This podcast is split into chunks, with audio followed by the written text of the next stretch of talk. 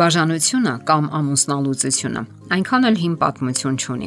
Նախկինում ամուսնական միություններն այսքան թեթևորեն չէին խաշխալվում։ Դեպքերի մեծ ամասնությունում մահն էր բաժանում զույգին։ Այսօր սակայն հասարակական այլ իրավիճակ է, եւ զույգերը մտածում են այդ մասին առաջին իսկ վիճաբանության ժամանակ։ Այն հատկապես ծանր են տանում կանայք, իսկ ոմանց համար ամուսնալուծությունը դառնում է յուրատեսակ դժոխք։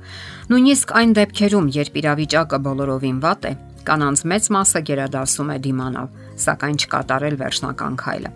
Կանայք այդ ձևով են փորձում պահպանել ամուսնական միությունը։ Վերջին հաշվով դա պատասխանատու քայլ է, որի մեջ ներառված են նաև երեխաները։ Իսկ կանայք ստանում են բաժանված խարանը, որը շատ դեպքերում վերածվում է այսպես կոչված սոցիալական մահվան Նրանց մեծ մասը հիմնականում այլևս չի կարողանում երկրորդ անգամ ամուսնանալ, թեև որոշ երջանիկներ այնուամենայնիվ կարողանում են նոր կյանք սկսել։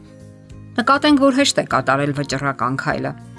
Երբ դիմացինը, ասենք, ալկոհոլ է օգտագործում կամ ալկոհոլամոլ է, բռնության է դիմում կամ հոգեկան խնդիրներ ունի։ Սակայն հոգեբանական հիմնախնդիրները այնքան էլ տեսանելի չեն եւ դժվար է ամուսնալուծվել, որովհետև միշտ էլ հնարավորություն կա ուղղվելու եւ կարգավորելու հարաբերությունները։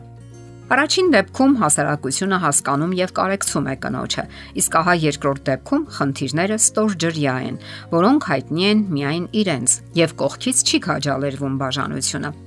Մի կողմից էլ հարազատներն են անընդհատ միջամտում։ Դու երբեք ավելի լավին չես գտնի։ Դու հոգիս չես եւ այլն։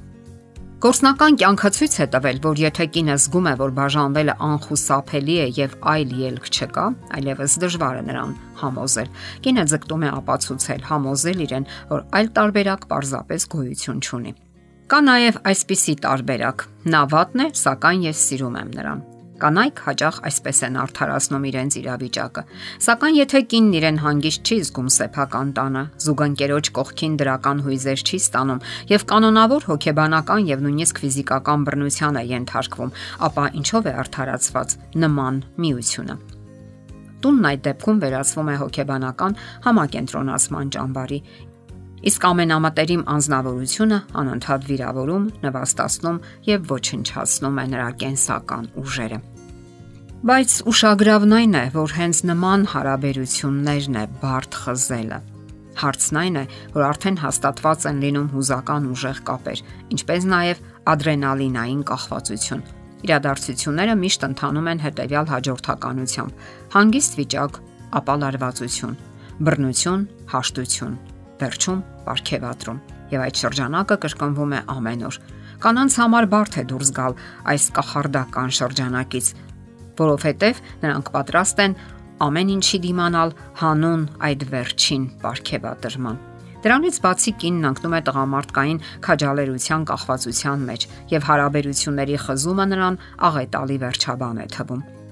Ասենք որ նման հարաբերությունները ավելի շատ նման են հիվանդության, քան սիրո։ Եվ երբ կինը ջանք է անում ազատագրվելու նման կախվածությունից,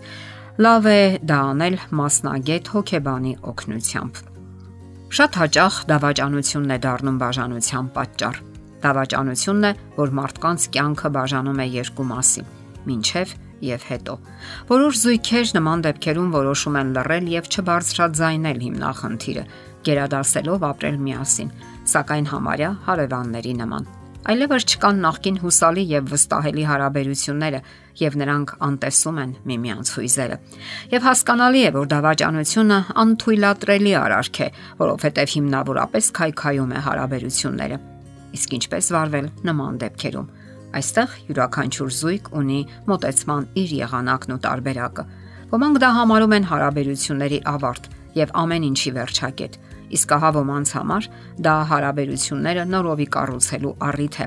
եւ այն որակապես նոր հարթություն է տեղափոխվում։ Ասենք որ բաժանությունը շատ ծանր է անդրադառնում հատկապես կանանց եւ երեխաների վրա։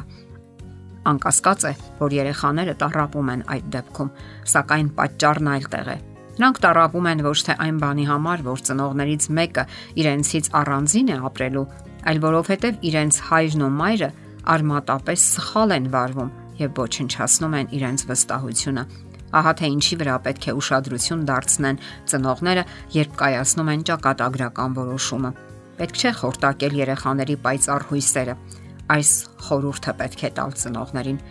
Հոգեբանները նաև նշում են, որ հնարավոր չէ պահպանել ամուսնությունը նաև հանուն երեխաների։ Հոգեբանական բուժումների ժամանակ ողջվել է, որ այցելուների ամենածանր հիշողությունները հենց դրանք են եղել, երբ նկատել են, թե որքան վատ են վարվում ծնողները միմյանց հետ։ Այդ երեխաները մեծանալով ավելի հաճախ կրկնել են. Մեզ համար ավելի լավ էր, եթե նրանք բաժանված լինեին Եվ սա ասում են այն երեխաները, հանուն որոնց ծնողները փորձել են պահպանել ամուսնությունը։ Ծնողները պետք է հիշեն մի կարևոր ճշմարտություն։ Հնարավոր չէ երեխային զրկել հորից կամ մորից։ Դա ընդունված առասպել է, որը երբեմն սարսափահար է անում մայրերին։ Հայրը միշտ մնում է այդպիսին՝ երեխայի հայրը եւ վերջ, որովհետեւ երեխան հոր կենսաբանական շարունակությունն է Իսկ թե ինչպես կկարգավորեն նրանք իրենց հետագա հարաբերությունները, դա արդեն իրենց իրավասության ու պատասխանատվության ոլորտում է։ Մոր պարտականությունն է չխանգարել այդ հարաբերություններին եւ հատկապես երեխային չտրամադրել հոր դեմ, ինչն անում են որոշ կանայք։ Այսպիսով կարող ենք ասել, որ ամուսնալուծության մասին մտքերը շատ են անհանգստացնում ծնողներին եւ հաճախ հյուծում նրանց հոգեկան ուժերը։ Գլխավորը հիշելն է, որ դուք եք ձեր կյանքի փորձագետը։ Միայն դուք եք ձեր կյանքի, ձեր կայացրած ցանկացած որոշման պատասխանատուն։ Եթերում ընտանիք հաղորդաշարներ։ Հարցերի եւ առաջարկությունների համար զանգահարել 033 87 87 87 հեռախոսահամարով։